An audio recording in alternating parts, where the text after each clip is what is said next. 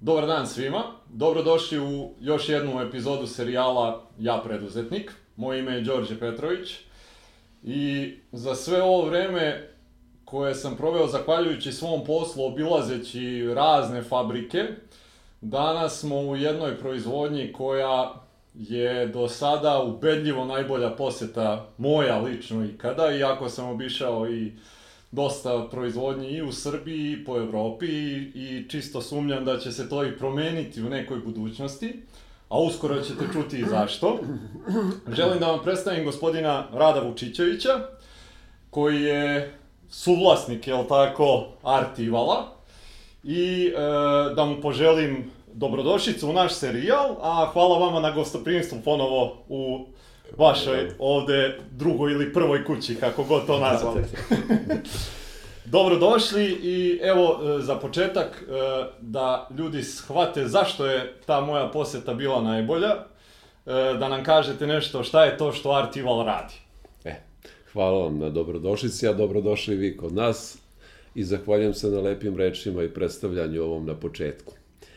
Pa evo, za, za, za, vaš doživljaj je vaš lični doživljaj, da li svi tako isto doživljavaju ovu našu firmu, ne znam, ali da se bavimo nekim stvarima koje su zanimljive, odnosno jako pri, pri, jestive, da nekim stvarima koje ljudima čine zadovoljstvo, to je sigurno, bavimo se čokoladom, čokolada je svima interesantna, izaziva neke pozitivne emocije, imam i anegdote, kad god se negde nekom javim telefonom i kažem ja sam Rade Vučićević, mi smo proizvođači čokoladnih proizvoda, odmah s druge strane čujete neki ozme, osmeh i neko blago, onako, ovaj, zadovoljstvo, da, tako je. Tako da, ovaj, znam, izaziva lepo osjećanje ta čokolada, a da vam kažem i nama ovaj, pruža zadovoljstvo kad je pravimo. Verujem. E, e, firma Artival postoji 26 godina, je li tako? E sad ono što je neki, ovaj, da kažemo, proces kroz koji mi prolazimo je da se vratimo skroz na početak, pa da dođemo do današnjeg dana. Ja ću da vas vratim u 55-u, jel tako? Idemo u SFRJ. FNRJ. FNRJ je tad bila, da, da, da. ok, znači još jedna država. Ja sam ovaj, Da se vratimo u 55-u, pa da krenemo polako, da dođemo do današnjeg dana, da vidimo taj neki put koji ste vi prešli i prošli i da vidimo usput te neke lekcije vredne koje ste vi skupili, pa da krenemo, da. eto, kažemo, te 55. Pa evo, 55. 5. novembra sam se ja rodio ovde u ovom Beogradu i tu nastavio da živim, radim i radio što sam radio. Završio srednju školu elektrotehničku, pa saobraćajni fakultet, ali moj životni put je otišao daleko od te dve delatnosti koje sam, za koje sam se spremao. Zapravo počeo sam da se bavim folklorom nekih 70. godina. To je prvo bilo moje zadovoljstvo, igra kao nešto što, što je mene činilo zadovoljnim, ali kasnije sam počeo da se profesionalno bavim time, postao sam neki umetnički rukovodilac, kako kažu koreograf, i, i to mi je pričinjavalo zadovoljstvo. Zapravo sad kad se malo ovako osvrne na moj život, ja sve što radim, ja se igram u stvari, mm -hmm. i, i ovo što sad radim i ono što sam radio, to na neki način igra. I ovaj, kažem, počeo sam se baviti folklorom, igrao sam u jednom kulturničkom društvu Branko Cvetković, apropo Cvetkovića, hteli su da ga isteraju neki dan iz ovaj, svojih da. prostorija, pokazao se lep otpor folkloraša, ali bojim se da neće to ništa ovaj, uroditi plodom. Ali nema veze, se vratim na to. Bio sam, kažem, u tom Cvetkoviću, malo sam bio i u kolu, I e, kasnije sam postao umetnički rukovodilac u tom istom Branku Cvetkoviću, tu sam deseta godina radio, imao sam neki pri, privatni ansambl i već je tada se nagovestio neki moj preduzetnički mm -hmm. duh, da kažem, ovaj, jer sam tada još osnovao jednu, jedan folklorni ansambl koji, smo zva, koji se zvao Oro, sa mojim kumom Nikolom. I imali smo lepu, uh, lep posao, uh, pored tih tezgi, kako smo ih zvali po Beogradu, gde smo igrali za razne turističke agencije, za neke restorane i tako dalje. Imali smo i preko leta po dva, tri meseca u Bolu na Braču, lepo, gostovanje gde smo igrali za turiste i tamo smo se osjećali stvarno kao kod kuće, iako je to sad neka druga država, ali tamo smo stvarno bili kao kod kuće. Tako da smo se tim bavili profesionalno i, i, i vrlo uspešno, da kažem. Imali smo ozbiljan ansambl sa muzikom, sa kostimima, sa svim. I opet je to bilo onako pravljeno sa entuzijazmom. Sećam se samo detalja, krećemo mi na taj put u ovaj bol i moj kum i ja, od, od, pošto je taj Cvetković, da smo i držali te naše lične kostime, blizu železničke stanice, mi odlazimo do železničke stanice, uzmemo krijući neka kolica njihova transportna, ruk, guramo ih sami onako do, do tog Cvetkovića, trpamo te kofere, pošto nismo imali pare da platimo neki prevoz, yes. I na tim kolicima dovozimo do voza te naše kostime. Tako da to bio jedan entuzijazam koji nam je ovako, ali to je, kažem, nije to samo, nije to bilo sve zbog novca. Mm -hmm. Jednostavno, to, to, to smo, mi, mi smo tada uživali u tome što radimo. Novac možda i nije bio neki kojim bi se ovi današnji klinci zadovoljili, ali za nas je to bilo da. super. I kažem, iz tog posla, tog folklornog posla, počinje da se javlja sad i neke, neka, neke, neke, da se javljaju neki drugi poslovi, poput organizacije nekih programa u kulturi, pa onda tu krećemo sa nekim uh, organizacijom, recimo, novogodišnjih programa za decu. Radimo mi i Sava centar, radimo mm -hmm. i mhm. Dom Garde, radimo svašta nešto, počinjemo i sa Hayatom, u Hayatu radimo taj isti pro, po, posao možda sad 30 godina. Onda se tu, pored toga, javljaju i ovaj, e, poslovi vezani za maturske večeri. Mm -hmm. I to nije neinteresantno, tu smo krenuli i tu smo lideri u tom poslu, moram da, da priznam, pošto koliko god smo mi došli da pričamo na inicijativu ovaj, vezanu za praline, ovaj, to je nešto što mi radimo evo 28 godina. Mm -hmm. I preko 150.000 maturanata je prošlo kroz Hayat u našoj organizaciji. I postavili smo nekakve standarde koji koje pokušavaju svi ovi koji nam, nas prate da, da, da, da dostignu, ali znate kad vi znate kad ste vi odlikaš pa nešto piše, da, da oni što pripisuju nikada ne prepišu sve, tako da i ovi što nas prate ne uspevaju. Mora da budem ovaj, neskroman sada. Nikakav problem. Ovaj, I kažem, to je e, jedan posao koji nam je uvek donosio neki dodatni novac kojim smo mogli da investiramo u nešto što se zove ova, zovu praline ili nešto drugo. E sad, vraćam se ponovno na te godine tamo kraj 80-ih ovaj, kažem, osnivam tu agenciju koja se bavi a, nekim kulturnim delatnostima, naz, nazivamo je Art agencija. -hmm. I tad se i ženim, počinje da se rađaju deca, i ovaj, počnemo da radimo te poslove vezane za kulturu, ja se bavim i dalje folklorom, međutim to ne donosi dovoljno novca mm -hmm. za mhm. moju porodicu. Mi tu počnemo da se bavimo kokicama. Opet to radimo na jedan drugi način, imamo svoje ljude, imamo na dva mesta, tada je sve moralo legitimno da bude, da se postave sa dozvolama ti aparati. Ljudi su nam obučeni po standardima nekim koje smo mi tada usvojili. I počinjemo da se bavimo kokicama i sad ovaj, e, taj posao opet mi se ne čini dovoljnim, ne znam ja, hoćemo dalje.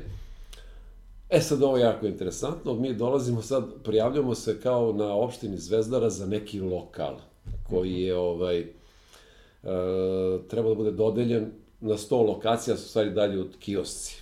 Mi se tu prijavljamo i posle godinu dana dobijamo obaveštenje da negde se javimo opštinu, da pričamo iz nekog kioska. Mi već zaboravili o čemu se radi. I dolazimo do ovaj, to do opštine i kažu nam treba da dobijete kiosk tu, samo trebate da odlučite koji ćete tip kioska. Sad su svi tu, tu ljudi koji su trebali da dobiju te kioske i mi saznajemo da dobijamo kiosk od 6 kvadrata i šta ćemo sad?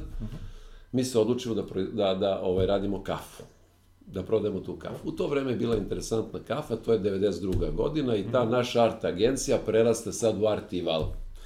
Artival se pored te delatnosti kulturne bavi i a, prodajom kafe. E onda kreće posle toga, ta kafa je bila jako popularna, tu radi moj supruga i ja, da, ali e, zaboravio sam da kažem ta odluka da počnemo da radimo, je bila kad je moja supruga rekla jednog trenutka, ja se, kaže, bavim folklorom, sve to neka umetnost, nešto u magli, ona kaže, lupi rukom od stoji, kaže, čekaj, bre, ti malo, hoćemo li da živimo ovaj, ko ljudi ili ćemo ovako sve nešto s koca i konopca da se sklapamo. I ja stvarno presavijem list, list papira, napišem tamo to, to i tom društvu neke svoje uslove da bi mogo da živim kao čovek. Uh -huh. Oni naravno ne prihvate te uslove i onda kreće ova priča o kojoj sam počeo da pričam, kokice, pa onda ovaj, da, da. taj kiosk i kafa. I sad u tom kiosku počnemo da radimo. Naravno, supruga radi u kiosku, još jedna žena pored nje, ja donosim kafu, mislim, stvarno je to bilo lepo tada, ona dolazi kući, pere kosa u kadi, možda skuvaš kafu koliko je ovaj, ka, ovaj, te kafe u njenoj kosi, jeli. I te, te godine su bila jako interesantne i sad, kako ti posao nalaže, ništa mi to ne radimo, planiramo. Jednostavno sad kao taj jedan dućan, pa nam treba sad negdje da ćemo pržimo kafu, već te kafe ima dosta, pa mi onda ajde ovaj pržionicu, pa napravimo pržionicu. Pa sad, kad već imamo pržionicu, onda možemo još neki dućan, pa onda još mhm. jedan, pa drugi, treći, četvrti, peti, tako mi napravimo neki pet dućana sa kafom. I nazovemo tu našu kafu Art Kafa. I počnemo da je prodajemo ne samo kod nas, nego i ovako u firmama, ali nam i to ne predstavlja nešto kao dovoljno, nije to izazov, nekako mi bilo jako prosto, kupiš kafu, ovaj, uh, ispržiš je, staviš je na policu i prodaješ. Misliš, šta je to sad neka umetnost velika? I onda smo supruga i ja razmišljali ka, šta ćemo mi dalje. I ovaj, e, dođemo na ideju, pošto smo u tim našim radnjama, pored kafe, imali i, i ovaj, e, delikatesne proizvode, slatkiše, kojih u ono vreme nije bilo baš mnogo. To su bili svi ovi sada već brendovi koje, kojih ima svuda. Ali između ostalog smo imali i dražeje. Mm -hmm. I te dražeje, jako je bilo, znate koje su to godine, 92. 3. Da, 4. Da. 5. jako su te ludačke godine, te dražeje imaju neku prodaju. To je neki evergreen proizvod, ja bih ga tako nazvao. Ne moraš da pričaš o njemu, ništa. I nama dođe ideja, ajde da mi vidimo kako ćemo pravimo dražeje. I krećemo mi na, mi na par sajmova, tamo gledamo i opremu, ovamo, namo i odlučimo da se bavimo držajama, počinjemo da tražimo prostor, umeđu vremenu su imali neki lokal koji prodamo i kupimo prostor gde ćemo da radimo te draže. E, raspitamo se za opremu, nabavimo opremu i paralelno sa tim tražimo tehnologa. Uh -huh. E sad, to je bio najteži deo posla, znači godinu dana mi tražimo tehnologa i na kraju negde 96. nalazimo tehnologa, koga ću posebno da spomenem, to je gospodin Sreta Banković, nažalost od prošle godine pokojni, koji je radio u Soko Štarku, bio je doajen u, u tom poslu svom i koji je jako skeptično krenuo da se druži sa nama. Uh -huh. To su neki privatnici 92. Da. godine, trećak, četvrta, kad smo već to Nema on tu poverenja, ko zna, on čovjek radi u Sokoštarku, u društvenoj firmi ili državnoj firmi, kako već. I mi se dogovorimo da on nama postavi recepturu za par proizvoda, tih koje ćemo da počnemo da pravimo, i da bude tu prisutan ako nam treba. I Čika Sreta dolazi kod nas, počinje da radi to, tu, te recepture, pravimo prve drže koje su bile kakve su i danas. Znači nismo napravili jedan korak, da smo morali da poboljšavamo, da mhm. nešto sređujemo i mislim da je to poenta u stvari svakog posla. Ljudi kažu kao krenuću, pa ću onda nešto ja to da, da poboljšam. Ako vam prva stvar bude loša, tako ću vas zapamtiti. Mm -hmm. Sve se pamti prvo, prvi da. poljubac, prvo sve, šta, da, da. šta sve, to se... Nema tako, šanse za drugi prvi utisak. tako je. Tako da smo mi krenuli od početka sa tim dobrim stvarima, zahvaljujući našem Čika Sreti, Sreti Bankoviću, I kako je Sreta počinio da radi sa nama, svidimo se mi njemu i Sreta Banković bez obaveze da bude sa nama svaki dan, dolazi na svaki dan na posao 10-15 godina narednih. On dolazi ujutro na posao sa nama u svojih, evo on je sad umro, bio, imao je prošle godine 94 godine, znači već je tada bio stari čovek.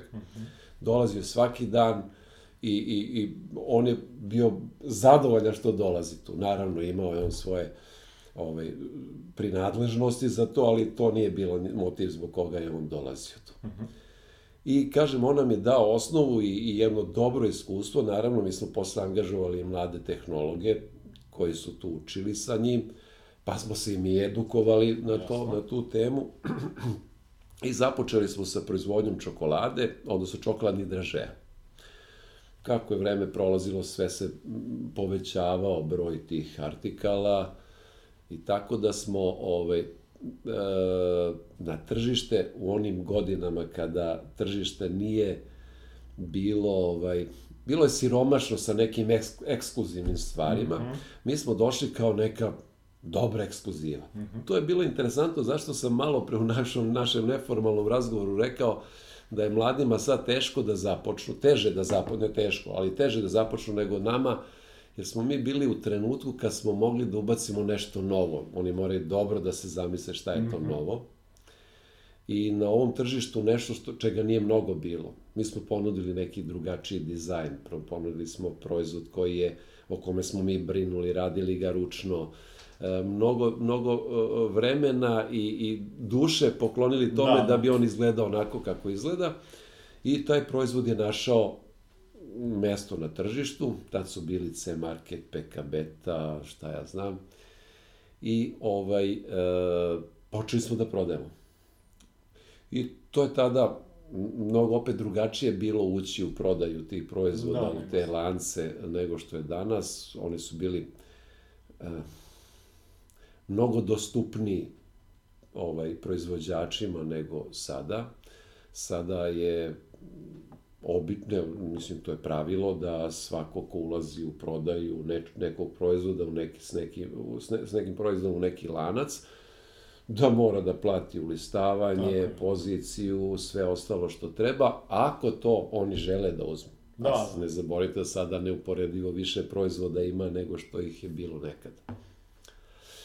Tako da, da, da taj naš proizvod zauzima neko mesto, mi se pozicioniramo gde smo i sada, kao mali proizvođači ručno rađenih, proiz, ručno rađenih premium proizvoda. Mm -hmm. Pokrivamo tu tržišnu nišu ljudi koji znaju šta valja i koji imaju mogućnosti da sebi priušte to. Mm -hmm nažalost, e, sve što je vredno, sve što napravite da, da, da je dobro, ne može da bude jeftino da. i, nažalost, nije dostupno ovaj, e, s velikim, velikom broju ljudi, ali mi smo izabrali tu poziciju na tržištu, jer jednostavno sa našom ručnom proizvodnjom i, i, i našim načinom razmišljanja o tim proizvodima niti imamo prilike, niti kapaciteta da se takmičimo sa uh mhm. -huh. ovim firmama da. poput Pionira, Soko, Štarke i tako velikim firmama koje rade dobro, ali rade masovno. Da. I... Vi ste se na neki način prilagodili tržištu, videli gde ima prostora za te proizvode tako i je, jednostavno. Tako, tako ono što me zanima u, to, u tom, da kažem, početnom trenutku, uh -huh. uh, ko se bavi proizvodnjom i gde je proizvodnja? Vi u tom trenutku ste nabavili, jel imate tad već neku mašinu ili... Da, da, da, da, da, možda se malo ako ja to sve... Ne, ne, samo... Pa ništa, mi, mi nabavljamo neke tri, to su bubnjevi za dražiranje. Mm -hmm. I još neka dopunska oprema da ne davim sad sa tim, ali te ta potrebna oprema se nabavlja kod nas u Srbiji, što je isto Dobro. nama jako bilo značajno. Nalazimo ljude koji nam i, i znaju nešto o tome i preporučuju i tako dalje i kupujemo tu opremu u Srbiji. Lokal kupujemo neki privremeni lokal, mm -hmm. da, to je isto interesantan detalj. Kupujemo jedan privrem, lokal koji je u nizu sa još 16 privremeno postavljenih lokala do, sa dozvolom, jeli? li? Koji je na dva nivoa, na jednom nivou je proizvodnja, drugi nivo je magazin, to je sve ukupno 120 kvadrata. I mi tu počinjemo proizvodnju. I to je za mene bilo onako malo, za proizvodnjom se baviš sad, mi nekoj maloj kancelarici, onda detalj jedan neobičan, do, angažujemo žene koje su u penziji, dolazi iz Sokoštarka, tamo su radile, a počele kod nas da rade u penziji, sad su godište moje majke, ja sam tad imao mnogo manje godina nego sad.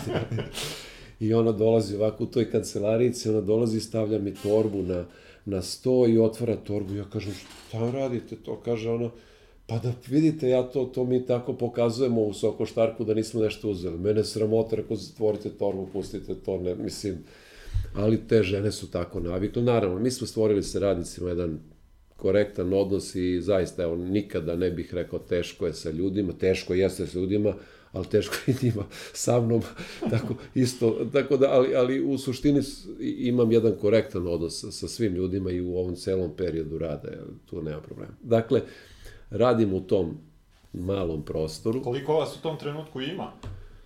Pa, sad da se setim, pa u toj proizvodnji nas je bilo jedno, u toj proizvodnji je bilo jedno sedmoro, osmoro, ne znam ja, moja supruga je odmah uzela da se bavi proizvodnjom, ja sam se bavio tom komercijalom, vođenjem celokupne firme, deca su nam tada još uvek mala, i u tom prostoru, to je znači 96. Mm -hmm. prestaje da nam bude dovoljno prostora, odnosno nedostaje da. nam prostora, ja to uočavam, ali uočavam i e, geometre koji stalno mere nešto oko tog prostora i shvatam da će tu uskoro da se nešto zide. Dobijam informaciju da će tu da nikne neki blok zgrada, a obzirom da su objekti privremenog karaktera, znači bez ikakvih problema, oni nam mogu samo da napišu da. i selite se, jer nemamo nikakav pravni osnov da ostanemo dalje tu.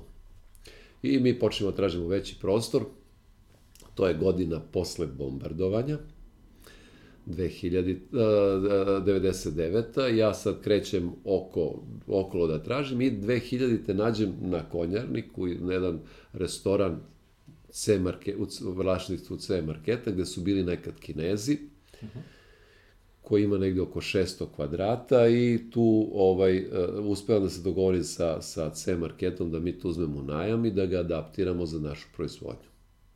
I 2000. te se selimo u taj na Petrovdan 12. ovaj 12. jula, jula, jula, da, da, tako je, 12. jula, selimo se ovaj, u taj uh, adaptirani, tu ulažemo prilična sredstva da to adaptiramo. Naime, kad smo došli tamo, mi smo zatekli uh, frižider koji nije ispražnjen od bombardovanja, a to je već 2000. godina. Mm -hmm sunđere na kojima su kinezi spavali tu po, po celoj toj da, da. kuhinji, tada to bila kuhinja gde je to, u tom restoranu i tako, jedan haos. Oni su to na, ovaj, uh, ostavili, pobegli su stvari od bombardovanja ljudi i ostavili tom haosu, haosu dolazi dva, tri puta oni za deratizaciju i onda mi to sve od početka radimo da bismo prilagodili ovaj, našim uslovima vrlo brzo posle tog dolaska u taj objekat mi uvodimo ovaj ISO, ISO, a kasnije i HASAP. I te standarde implementiramo u pravom smislu reči, znači nemamo ih na papiru, da, nego stvarno ih koristimo od onda i danas. I sad u tom prostoru mi funkcionišemo, super je, sad je 600 kvadrata i to na neki način nama bude solidno mesto, međutim, sudbina je takva da ništa nije uvek ovaj, kako vi hoćete. Negde 2005. dolazi obaveštenje da je nama pet godina ugovorenog zakupa prošlo, a tu se već pojavljuju arhitekte koji žele iz C marketa da taj prostor adaptiraju, pošto je pored i samoposluga, da ceo prostor da, da. adaptiraju u samoposlugu i mi praktično dobijamo otkaz. E sad, kad imate magazin ili kad imate kancelariju, se obare da, jed, relativno koliko. jednostavna. E, a kad imate proizvodnju u kojoj, u kojoj treba da imate sve uslove koji su potrebni za higijenu, za tehnologiju, za sve ostalo, to već postaje jako veliki problem. I to je bila jedna prekretnica u, u našem poslovanju, znači to je 2006. godina 2005. godina, pardon, Uh, i, I te 2005. godine kad su nam oni rekli da izlazimo, ja sad molim ljude, dajte, vidite, dok se ne snađemo, nekako prolong, prolongirajte to. Tada dolazi do lomova u C marketu, Radulović beži, ovi, on mhm. nama uskidaju neke pare s računa. Mislim, totalni nam haos nastaje u firmi, zašto ne znamo. Sve u svemu dolazi taj neki drugi direktor i dozvoli nam da mi ovaj ostanemo, ispeglamo te neke račune koje su oni skinuli, ne znamo ni mi zašto, da ostanemo dok ne nađemo nešto za dalje.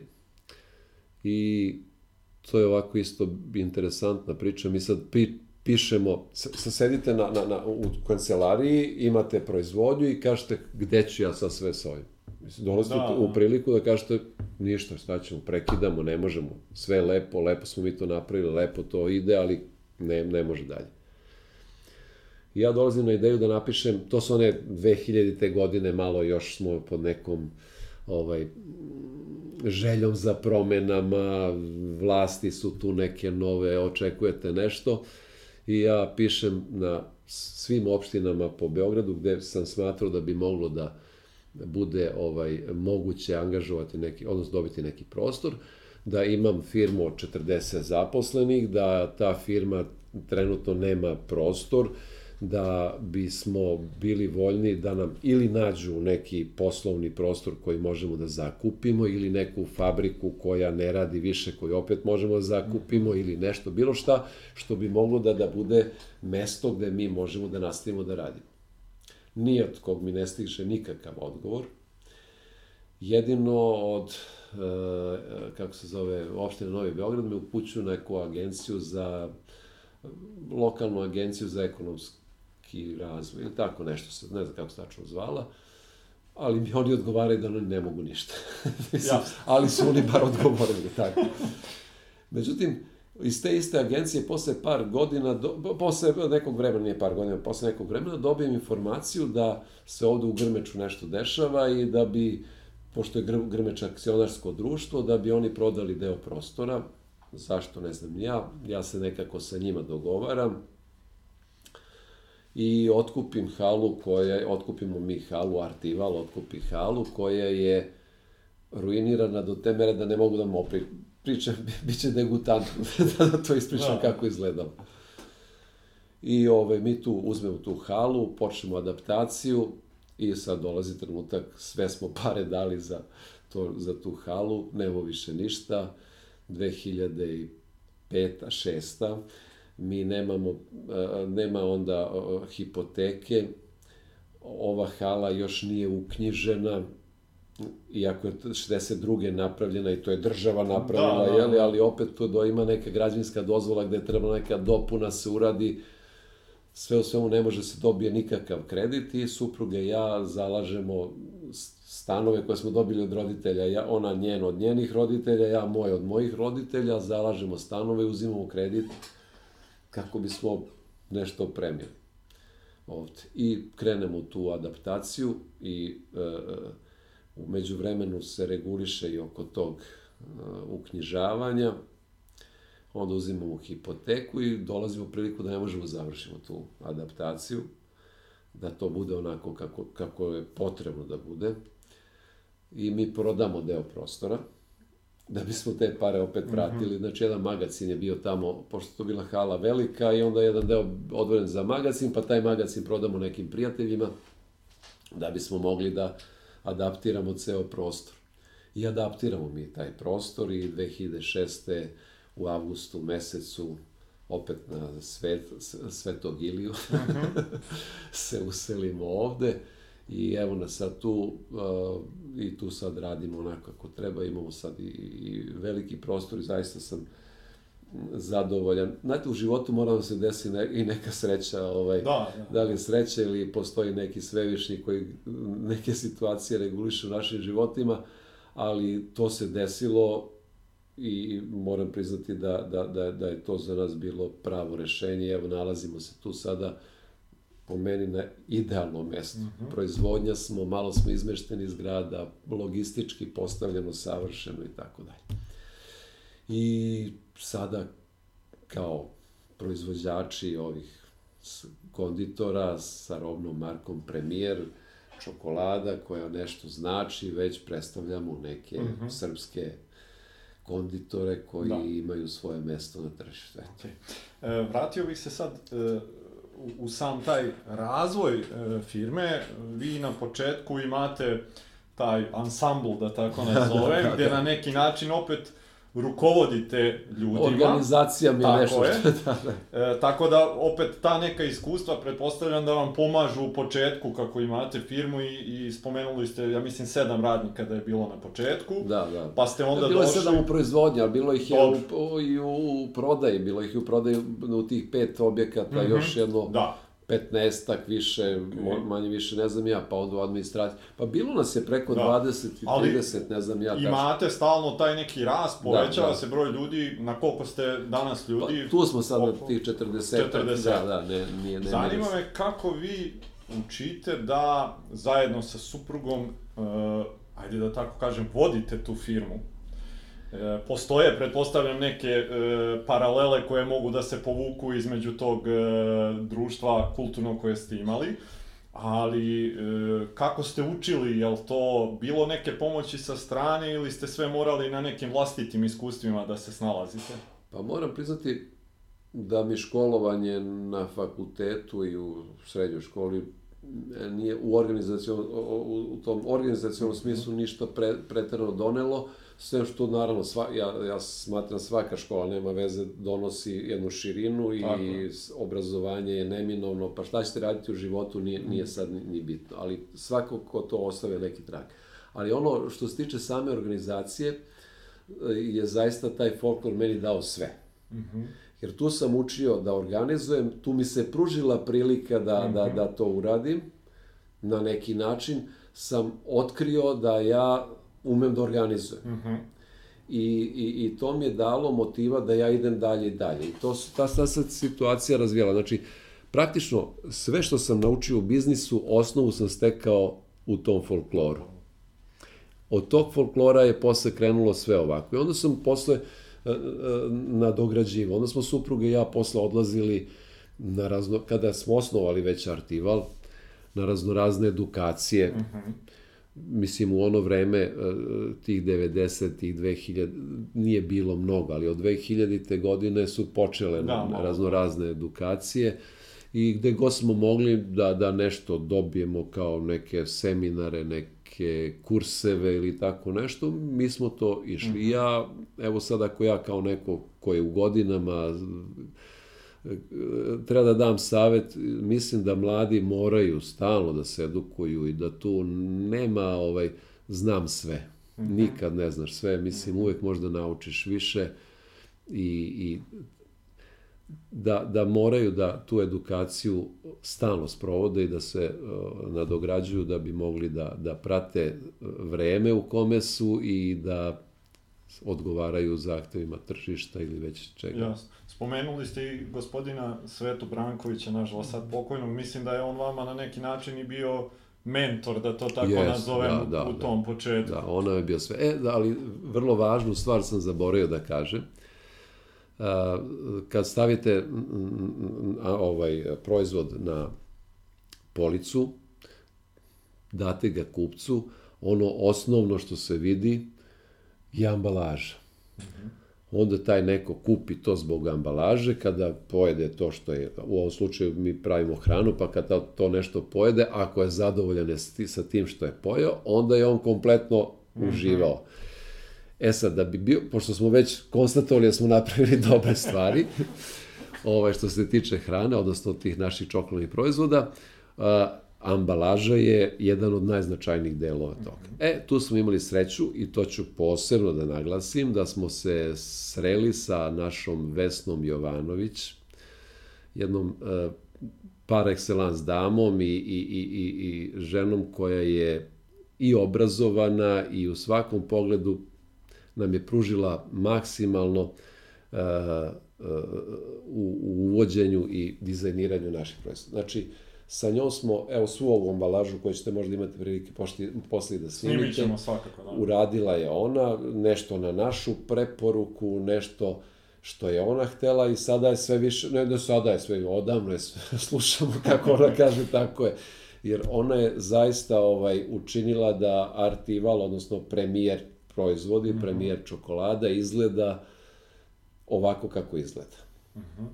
I uh, ona nije samo neko ko nam pomaže u tom smislu dizajna. Mi pričamo sa njom i o celom uh, marketinškom nastupu našem i na neki način nam je savjetnik, obzirom da ima ogromno iskustvo i, i svoju firmu koja se bavi time i stalno u kontaktu i, i sa drugim velikim ovaj, firmama i njeno iskustvo je neprocenjivo. Uh -huh. I zaista od sveg srca, evo sad ovom prilikom ja se zahvaljujem za sve to što nam čini i dalje će naš da. da se. E, htio bih da se vratim opet e, na jednu bitnu stvar, obzirom da ste vi porodična firma od, od samog osnivanja. Da. Zanima me kako uh, uspevate, ajde da, da, da nazovem to, da regulišete te neke porodične stvari. Rekli ste da imate u tom trenutku kada osnivate sve ovo, imate dvoje male dece. Tako. Vi i supruga ste uključeni u, u, u celu tu priču oko firme. I ono što me zanima, e, baš u, u jednoj epizodi smo imali sa jednim mladim gospodinom Darkom Mandićem koji je pokrenuo svoj prvi posao sa svojom tadašnjom e, devojkom. I e, rekao nam je da jednostavno usled sve te količine stresa koju posao donosi, pa onda eto ta i neka veza, on jednostavno e, nije mogao to da izdrži, veza se i raspala i on je otišao dalje svojim putem. E sad, znači, vi ste u tom trenutku u, u, u još, da kažem, složenijoj situaciji, pored vas dvoje koji ste uključeni, imate i dvoje male dece, I naravno sve te neke poteškoće koje dolaze, koje ste neke od njih spomenuli, kako vi uspevate da, da ovaj, organizujete vaš život, da sve to funkcioniše, da ste vi i dalje u nekom normalnom odnosu, pošto bih voleo i tu stranu da nadam se i želimo i da podstaknemo da, da dosta naših porodičnih firmi, da ljudi pokrenu i, i da shvate vrednost porodične firme, Pa me zanima malo da se osvrnemo na taj detalj kako ste vi to uopšte uspeli da evo koliko 26 godina e, napravite da funkcioniše. Da. E, ja bi se posebno, ako ja treba da pošaljem poruku mladima, uh mhm. -huh. što se toga tiče, tu, tu bih zaista imao ovaj, da im, da im poručim šta. Ljudi se često zaklanjaju, eto i taj primer koji ste rekli, zaklanjuju se stresom u biznisu, uh mhm. -huh i, i, i onda sad kao ne funkcioniš ništa zbog biznisa i samo je biznis. Ne, život mhm. je pre svega porodica, a posle biznis. Dobro. Možda da imate šta god hoćete. Abramović, što ima sve da prepiše vama, ako vam je prvo porodica loša, džaba vam sve to. Mhm. Ja tako na stvari gledam. I mislim da bi mi ovaj, ovde u našoj Srbiji prvi akcent, prvo što treba da radimo i akcent da stavimo, to je porodica. Uh mhm. -huh. Ako vam je porodica stabilna uh mhm. -huh. i ako u porodici nađete osnovu, vi imate mogućnost da radite šta hoćete. Pustite to biznis pa porodica. Ne, ne, porodica pa biznis. Uh mhm.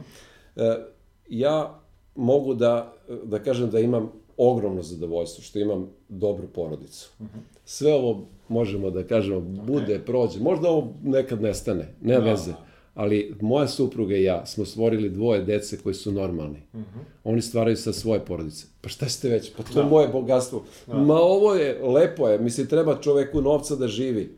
Mi nemamo bezgranično mnogo novca. Imamo možda malo više nego neki prosečni ljudi. Mhm. -huh. Ali ono što imamo, to su deca. Mhm. -huh. I to je naša porodica. I to je ono na šta, na šta na, mladi danas treba da obrate pažnje. A kako smo mi radili?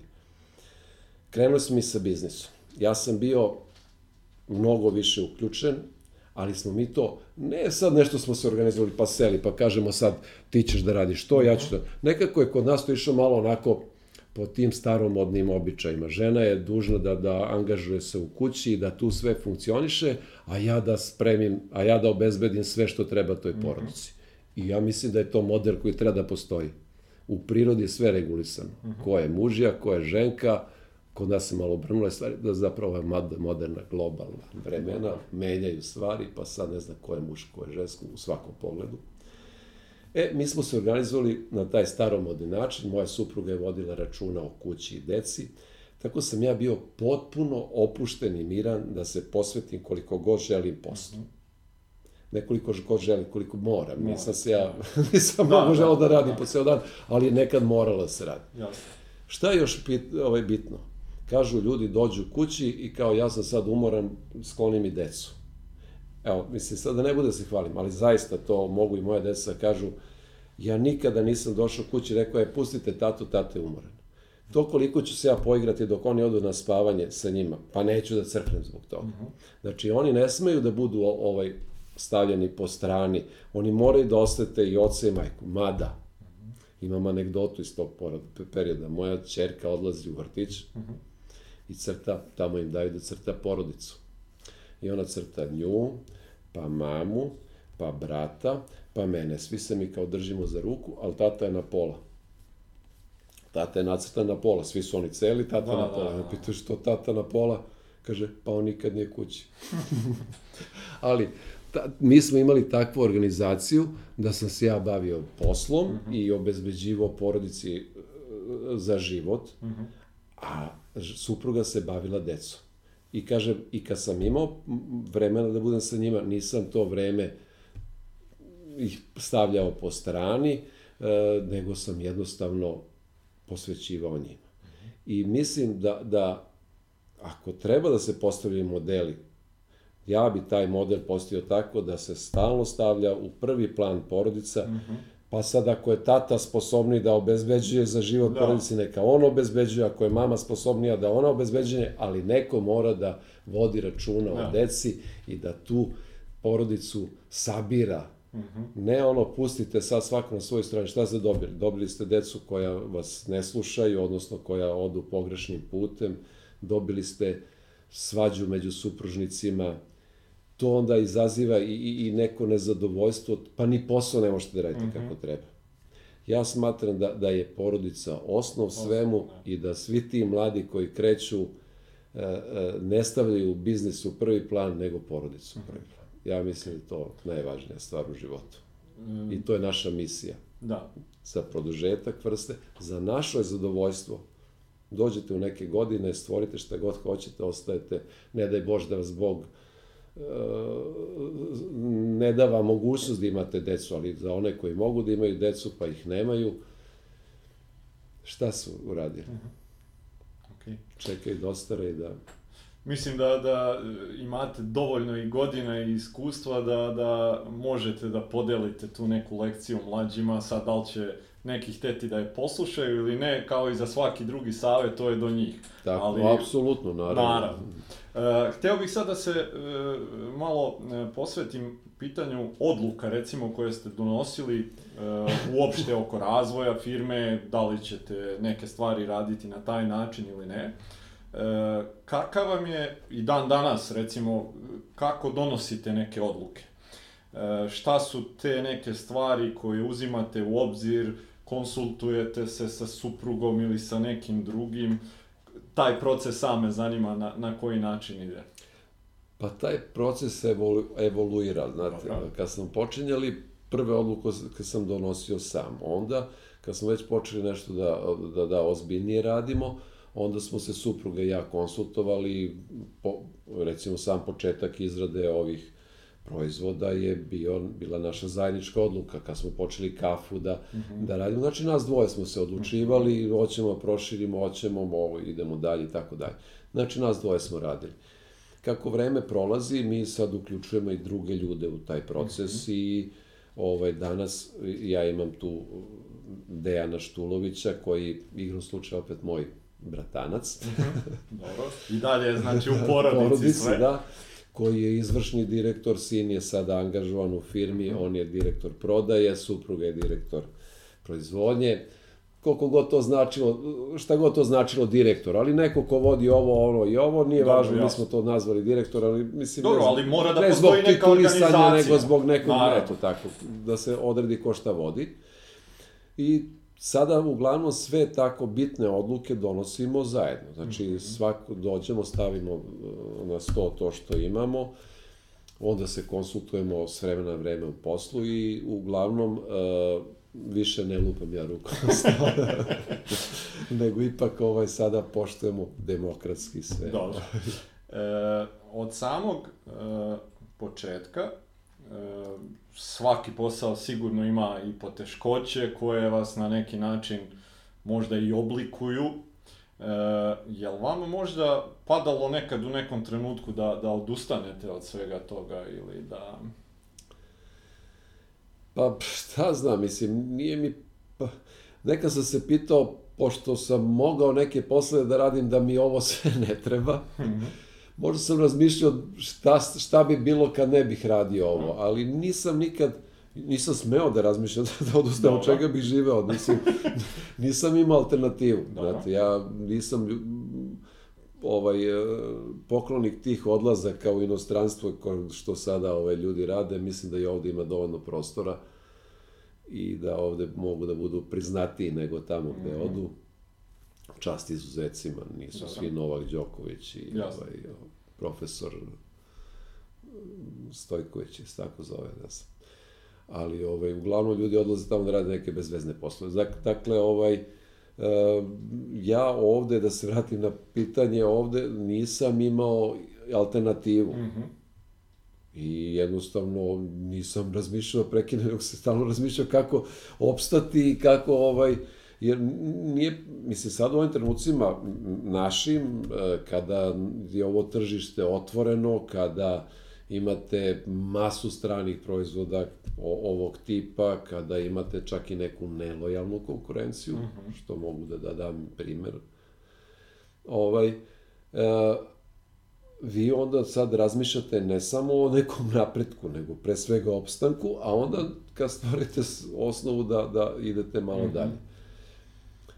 Mislim da je u životu uh, jako na, važno naći meru. Mm -hmm. Onaj ko nađe meru u svemu, u poslu, u hrani, u ponašanju, taj je genije, ali mislim, redko je, redki su takvi. Tako da mi smo izabrali ovaj posao da radimo na onom nivou, kako sam rekao, mala porodična firma koja se bavi proizvodnjom premium čokoladnih proizvoda, e, unapređujemo i razvoj, usmeravamo ne u količine, nego u kvalitet i, i ovaj asortiman koji se mora stalno prilagođavati tržištu, mora se pratiti tržište. Tako da, ovaj, m, zaista nisam imao vremena da razmišljam o tome da odustanem. Ne, da. Stalno je bilo razmišljanje kako dalje, da. Da, da. E... E, samo bi se još tu nadovezao, ovaj, e, mladi moraju da imaju strpljenje.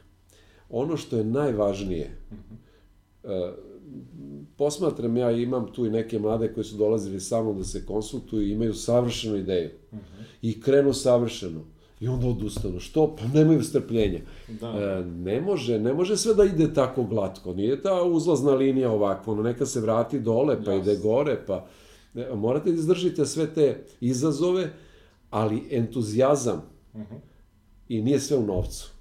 Zaista, ako vas tera samo novac, ništa niste napravili. Ja to Da. Govorim iz mog iskustva, mene nikada novac nije terao da to radi. Uh mhm. -huh. Naravno, vrlo sam morao da vodim računa o čega živimo. Jasno.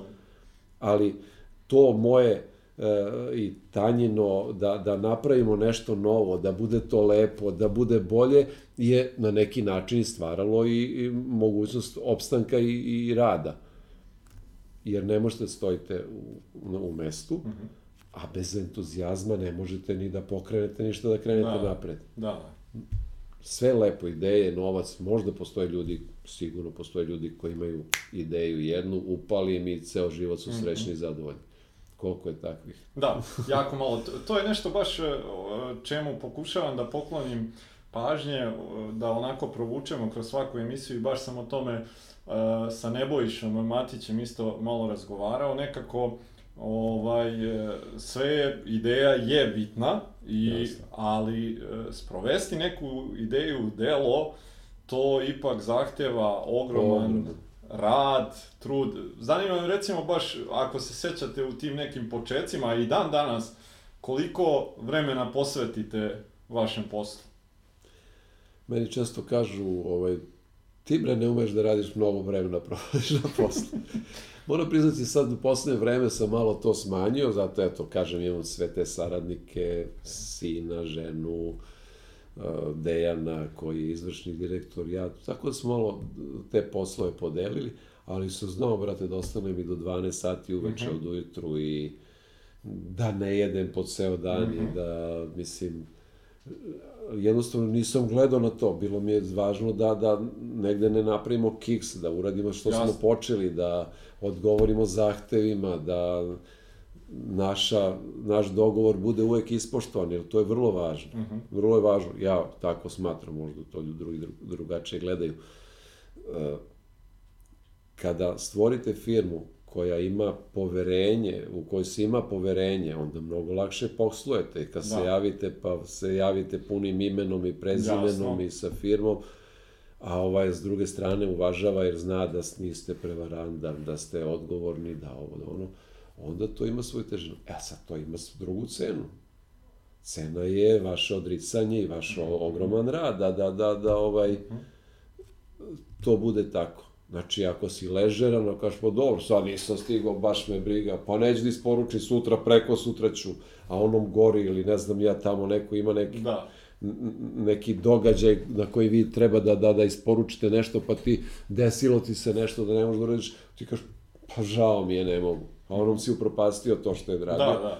Mislim, e, zato ti, ti pogineš da bi to napravi i odgovorio zahtevu, a to je cena Kako ste se sa, sa tim pritiskom i, i ti posebno i vi kao porodica nosili, jeste imali uopšte neki, da kažemo, izduvni ventil u, u, u, u- svemu tome, nešto što će bar malo e, da skrene pažnju, znači generalno za svak, svaka firma, pogotovo u izgradnji, za vlasnika ili vlasnike, u ovom slučaju kako ste vi, nosi pritisak, eto kao recimo kad morate da isporučite neku robu na vreme, sve to stvara određenu tenziju.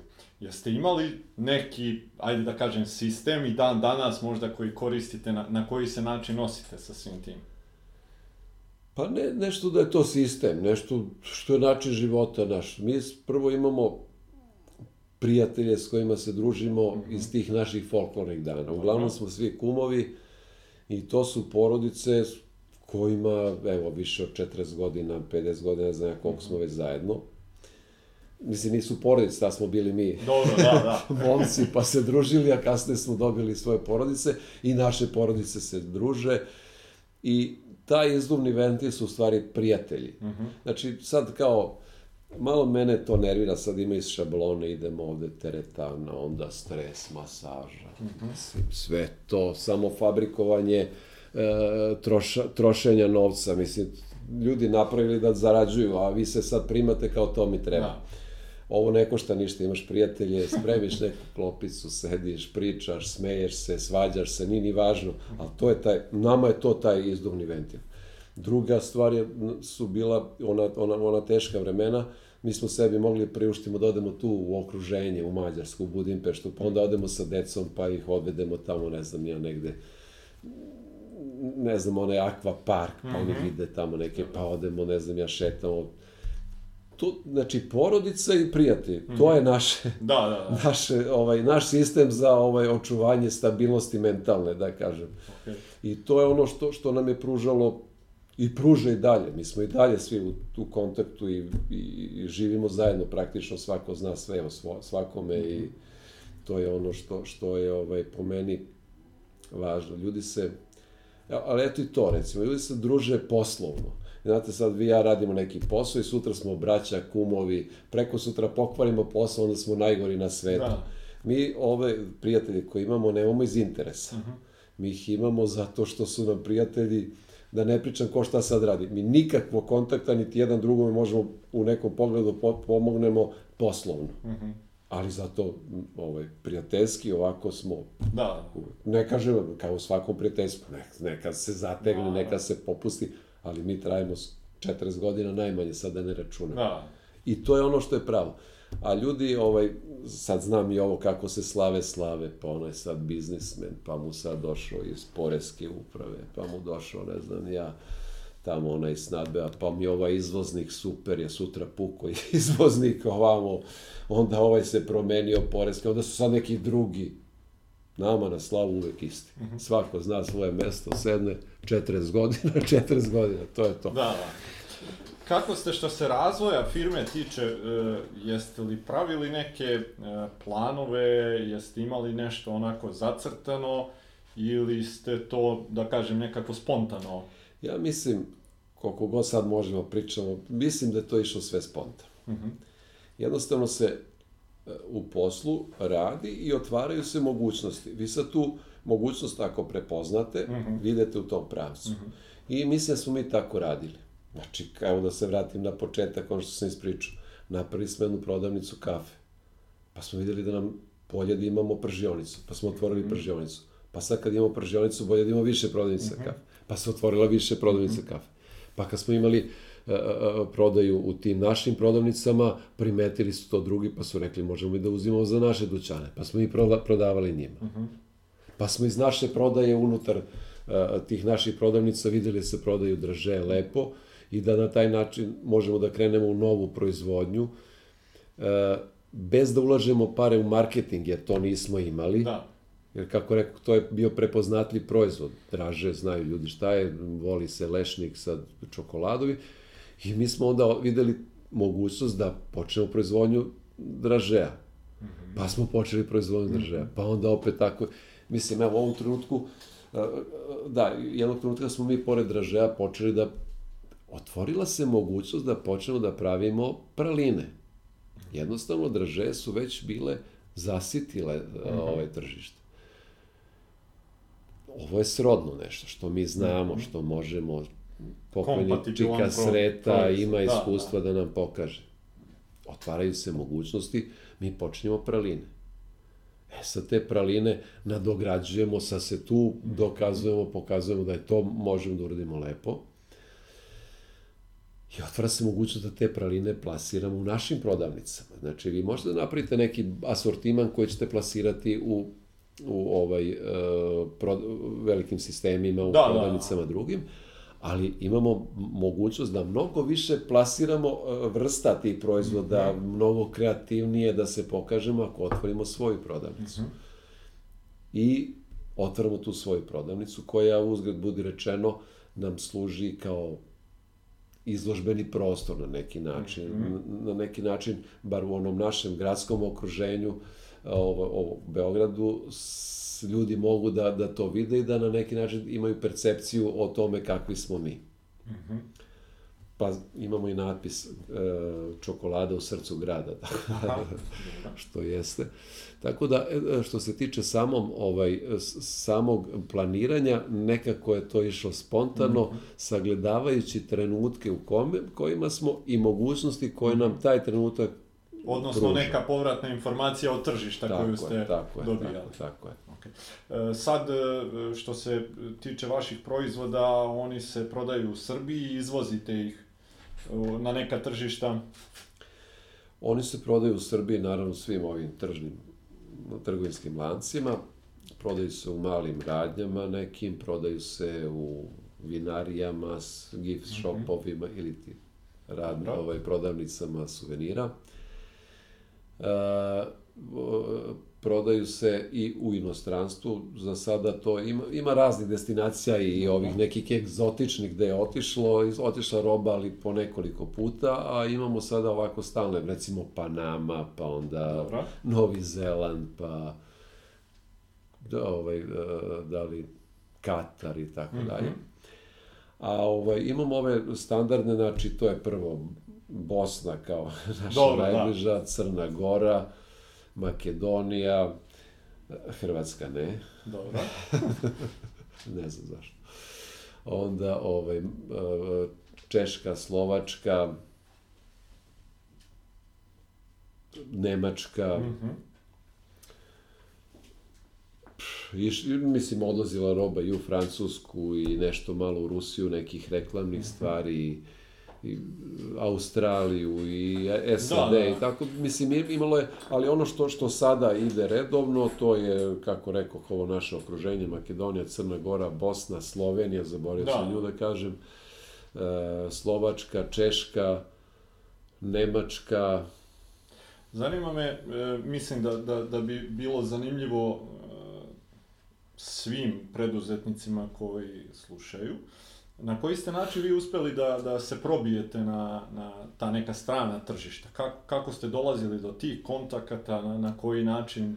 Pa, znate šta, mi smo ovaj, pratili šta se dešava u ovom našem, na ovom našem tržištu. I onda su, odnosno u poslovanju i u uopšte državi, kako -hmm. država uopšte stimuliše ovaj, preduzetništvo i tako dalje. I onda u ono vreme, posle 2000. godine, počele su, ona sjepa je bila i oni su počeli da subvencionišu ili čak organizuju sajmove po svetu.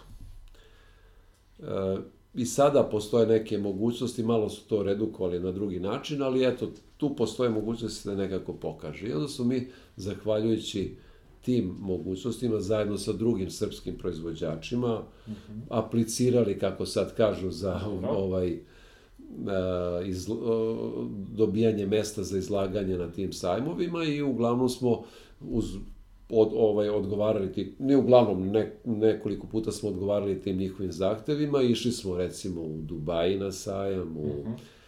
New York, Keln, Minsk, Tiranu, ne znam ja gde već. Mm -hmm. Tako, ovaj, i Austriju, ne znam ja, u Grac, čini mi se, Beč. E, tako da smo ovaj, e, mogli da prezentujemo tu našu robu. E sad, tu, tu, tu nastaje e, problem. Mi ovaj, do izvoza ne dolazimo, da, išli smo i u Mosku dva puta. Do izvoza, izvoza ne dolazimo e, tako što pokažemo robu pa nam dođu kupci, uh -huh. nažalost. Našu robu kada vide na polju, ljudi su apsolutno zadovoljni, probaju, oduševljeni, ali kad našu robu uporedite sa robom, recimo u Francuskoj su bili na Sijalu, odete u Francusku, imaju čokolaterija koliko hoćete, vi pogledate našu robu, mi smo kao oni. Ne. Šta ćeš da izmisliš da budeš bolji ili da, drugačiji da. od njih? Znači, oni nas sad ne vide drugačijim. E šta sad očekuju od Srbije? Da to što mi ponudimo bude nešto bescenje. Da. da bi oni da bi našao se neki tamo da to prode. A vi ne možete da napraviti dobar proizvod ako, ako, ako nemate dobru ovaj e, dobru sirovinu. Sirovinu.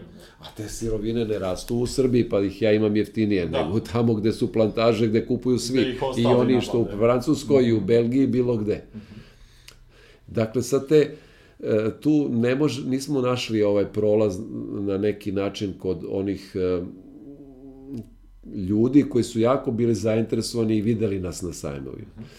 To se dešavalo nekako spontano, pošto sad ovaj internet da. dozvoljava da vas vide ljudi bilo gde u svetu i pruža te mogućnosti, na neki način se pojavljuju neki ljudi koji su zainteresovani za te naše proizvode i onda uspostavljate kontakt, onda sad tu ima i nekakvih proizvoda koje radimo kao sa privatnom robnom markom, uh mhm. -huh Za neke onda ima proizvoda koje radimo za prodaju dalju, tako što ljudi tamo nalaze nekakav, nalazimo distributere, odnosno Jasne. nalaze nas ti distru, distributeri pre nego mi njih i onda plasiraju tu našu robu ovaj dalje po inostranstvu. Znači, e, koliko god smo pokušavali kroz te sajmove da se, da se pozicioniramo i da nađemo kupce, ovaj, mi nismo uspeli da, da to uradimo, nego smo na, na drugi način. Mada i to izlaganje za nas značilo, jer smo uspeli da, jer smo mogli da se poredimo sa drugima i shvatimo da smo mi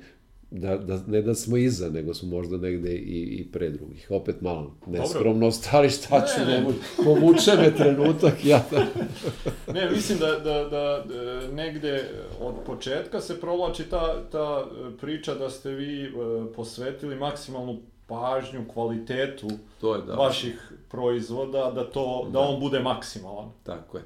Pa, evo što sam rekao i malo pre u priči, znači mi primenjujemo standarde. Mi ih nismo uveli da bi pisali tamo imamo HCCP da. ili FSSC ili šta ja znam, nego to što je standard, mi to koristimo. Uh mhm. -huh. I, I što se tiče tih resertifikacija, mi to prolazimo ovako, uh mhm. -huh. jer ljudi kad dođu da, da, da iskontrolišu to, ovaj, imate ono uh, akredaciju, da, da, jasno. telo koje kontroliše to, ovaj, uh, primjenu standarda, kada oni dođu i iskontrolišu to, to prolazi ovako, zato što, mhm. što smo ga mi implementirali u pravom smislu. Mm -hmm. E sad, znači, s jedne strane je taj standard, s druge strane ona posvećenost da vi uh, kontrolišete svaki proizvod, da, da vidite kako to radi, da -hmm. svaku sirovinu u detalje iz, mm -hmm. izanalizirate i ovaj, uh, ovo, trudimo se da te sirovine budu što prirodnije. Znači, mi nismo organska proizvodnja, mi ne možemo da kažemo nemamo aditiva, nemamo ničega. Ali, e, ti aditivi su svedeni na toliku meru da možemo kažemo da mi imamo zdrave proizvode. Znači, ako, ako je recimo, evo, u ovoj ovde, ovom ovde, ovo je malina neka u čokoladi. Ta malina je malina. Da, da. Koliko god možda ta malina ne, nema onoliki intenzitet ukusa, koliki ima aroma kad je dodate, ali vi ćete da jedete pravu malinu. A sad, uh, uh, da bi se proizvod prodavao bolje, da bi ostavili bolji utisak, neko, neki ljudi koji smatraju da je to njemu najvažnije, će pored te maline staviti pojačivač ukas, ukusa. I sad ćete, uf, što je malina, da. evo pijete rakiju, evo miriše na krušku, a ona je stavio aromu, pa kruške, Da, kako da, hoćeš. A, znači, u našim proizvodima e, se trudimo da ne dodajemo apsolutno arome. Ako je bilo koja vrsta proizvoda, ne znam, ako su neke tamo neki dodaci, koristimo ulja, recimo, ne znam ja, nane ili tako dalje. Ne, ne koristimo na ovaj aromu na, Da, da, da. nane ili Jasno. mente, kako god to dru- drugi Da. zvali. Znači, nema kompromisa Nema što se... kompro... U tome nema kompromisa i to smo se dogovorili i to, i to znate kako, to je bila ideja moja i Tanjina, ali kako smo nastavili da to radimo, mi svaki dan o tome pričamo, to ovde sad niko od majstora to ne bi dozvolio. Znate, to, Da, da, da. to sad postaje stvar koja je naša Mhm.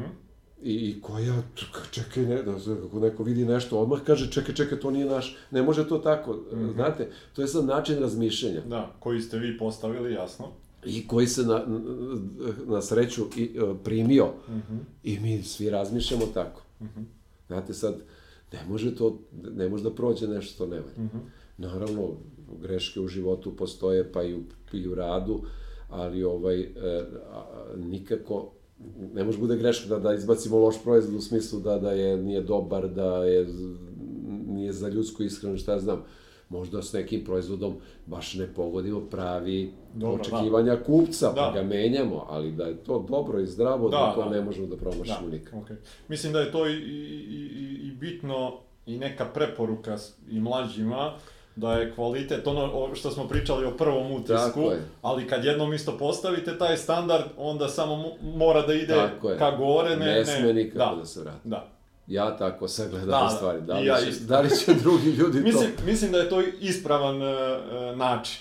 Da. Sad vi možete, možda ćete u nekom trenutku da, da uštedite na materijalu, pa da malo imate veću zaradu ili nešto, kratkoročno da ima neki rezultat, ali dugoročno da. da. biste imali 26 godina Ali eto ovako. vidite, tako ne, na, razmi- ne razmišljaju uh, naši uh, zapadni prijatelji Mhm. koji nam daju proizvode koji su za istočno-evropsko tržište Da. Kvaliteta đubre. Mhm. Evo, oni tako ne razmišljaju koliko god su veliki. Može se tako i postaje veliki, mi nećemo da, Da. budemo veliki. Dobro, mislim da je generalno to razlika između porodičnih firmi i velikih korporacija. Ja I- mislim da tu razlike u moralu i, Da. i u, u, u, u razmišljanju, uopšte prihvatanju života. Ako mislite da je nešto laž, nešto su- suština života, vi ćete lagati. Mhm. Ako mislite da je istina prava stvar, onda ćete tako i da se ponašate i u poslu i u, i u Da, životu. Ja verujem u istinu. Mhm. Ma, baš me briga u šta ko veruje, ja tako hoću se ponašam, u ostalom, Da, da. i na- naravno ne možete me, menjati svet, to, svet je takav, je, Naravno. takav kakav je. Naravno.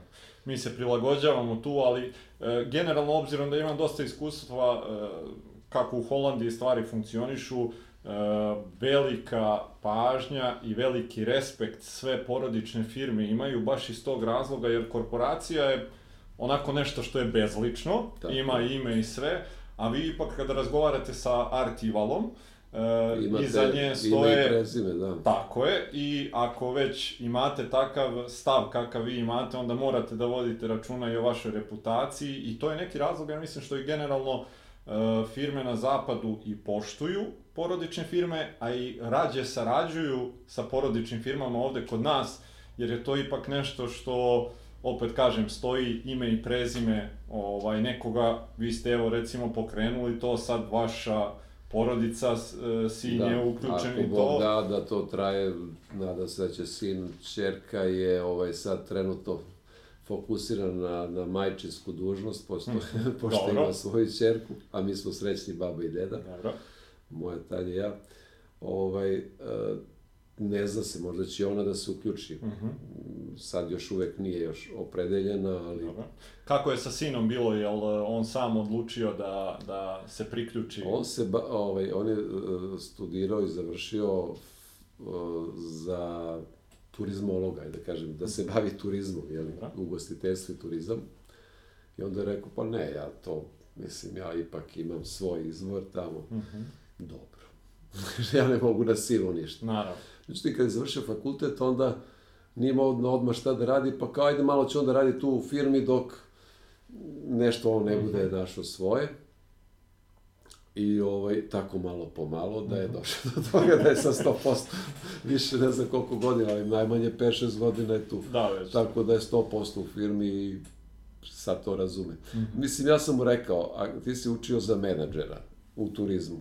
Menadžer je menadžer, gde god da je ti primenjuješ ista pravila upravljanja, upravljanje i upravljanje. Mm -hmm. Da li ćeš da upravljaš proizvodnjom šrafova, proizvodnjom čokolade ili turističkom proizvodnjom e, upravljanje i upravljanje. Samo ćeš da se specijalizuješ kroz da. posao da. to što radiš. Ja tako opet vidim. Što bi Đole Balašević rekao, princip je isti, sve su ostalo nijanse. Tako je, tako. A recite mi generalno, e, vi sad ogromno iskustvo, e, 20 šest godina. Ma ja od 80, 79. Ja sam... da, da, ali pričamo sad... E, ja sam se stalno bravio privatni posao. za čokoladu sad konkretno Aha, pričamo. Dobro. E, postoji li nakon toliko vremena e, neke stvari koju učite i dan danas i ako postoje na koji način ih uopšte vi lično učite? I ono što sam rekao, opet se ponavljam, nikad čovjek ne treba da mhm. prestane mm -hmm. da uči. Mm -hmm. Moram priznati da ja sada odlazim manje na, na neke seminare i tako. Bio sam nedavno nešto na oko financija, ali ovaj, prateći tržište, prateći zbivanja oko sebe, ti stalno nešto učiš. Znači, ne možeš da kažeš ja sam to, ja to znam i šta me više interesuje, jer više ne može ništa niko da mi pokaže. Posmatraš šta se dešava oko sebe. Kažem, e, ne odbacujem stvari oko sebe oko, i na taj način čini mi se držim tok sa vremenom. Ali m- mladima koji nema iskustva, koji da bi donosili neke odluke je potrebna em, potrebno neko dodatno znanje da bi te odluke bile ispravne, mislim da je dobro da se edukuju, pa će i kroz edukaciju i iskustvo moći da donose mnogo lakše odluke i da manje greše. Ali eto, što se moje edukacije tiče, ja koliko mogu kroz ove, kroz ove ovaj, medije, kroz dešavanja na tržištu, kroz to... Ne, to mi je bitno da čujem, e, da u stvari svi možemo da čujemo, da bez obzira na iskustvo i provedeno u poslu, da je neophodno Ma da, konstantno nikako, se naravno, usavršavati. da. Pogotovo u današnje vreme kad se stvari generalno jako brzo Jasno, dešavaju. jasno, Ako danas je niste da. U toku, lako može da se desi da se pojavi neko da vas izbaci i Tako da je. ostanete bez... E, zanima me sad da, da u ovom trenutku e, ste na nekom početku, e, na koji način bi recimo eto neke savete koje bi dali mladima kada pokreću svoju firmu da obrate pažnju na neke stvari. Nisam siguran šta bi mogu da im kažem u ovom trenutku. Mislim, e, ono, ono što, što je najvažnije, moraju dobro da, da razmise šta će da rade. Mislim, znate, sad, sad, sad su stvarno velike mogućnosti da se sagledaju, hoćete izaberete neki posao, raspitajte se sve, Da, lakše se dolazi do informacija. Lakše se dolazi do informacija. Možete mnogo toga da saznate pre nego što krenete. Ta odluka je vrlo važna. I ono što savjetujem mladima, kada se već opre, predele, treba da obrate pažnju na svoju želju da se tom poslu posvete. E, ako im je osnovni motiv sticanje para i nemaju druge ideje, onda su propali, ja bih to tako rekao. Vi da biste dobili, stekli novac, morate da imate ideju, da biste ideju sproveli, morate da utrošite ogromnu energiju i to je osnovno. Znači, preispitajte se da li ste za to, ja bih rekao mladima, da vi upravljate nečim i da svoju energiju trošite na to što ćete da stvorite i da stvarate, ne žaleći i ne računajući koliko to košta, ili ćete da odete u firmu gde će drugi da vam kažu šta ćete da radite i da budete srećni i zadovoljni kad u 4 sata završite posao. Da. To je, mislim, po meni... Ta ljubav- Da, glavna odluka. Da, ljubav da, da to nešto što se odlučite da radite, da to volite. Tako je. Nije, mislim, znate, ni- nije pravilo svi moraju da budu... Naravno, mogu- preduzetnici, Da, naravno. naravno. ljudi mogu da budu srećni ako rade Naravno. negde, imaju dovoljna primanja ili se trude da imaju dovoljna primanja, urade onu osnovnu stvar, posvete pažnju porodici i traže sreću u tome, nađite neku meru u svom životu i to radite. Da, da, da. Ali ako će se baviti preduzetništvom, onda moraju da budu spremni na početku, da se odriču i, i ništa ne donosi preko noći i da budu Mhm. spremni da na da, da, da neke padove. Zašto? I to je život. I u tom padu možete da na- naučite nešto. Da, možda čak i više nego Tako je. od uspeha. Ne? Pre, prekinite, i, ako, i, i, i da prekinu nešto, a ako je to Mhm. samoubistvo, prekinite ga pre, pre toga, pa kreni s početka i ne treba se čovjek libi da, da, Da, eto To je koliko ste vi stvari promenili u... Pa, u da. da. naravno, mislim, menjaš se u životu, nešto ostavljaš, nešto radiš. Mhm. Jasno. E, evo možda za kraj ovako jedna stvar me zanima, da ste mentor Radetu iz 90 recimo druge. E, šta je to što biste mu rekli da možete da vratite vreme? Pa ne znam pravo da kažem. Sad ne spada da sam samoljubiv pa da kažem sve sam dobro uradio.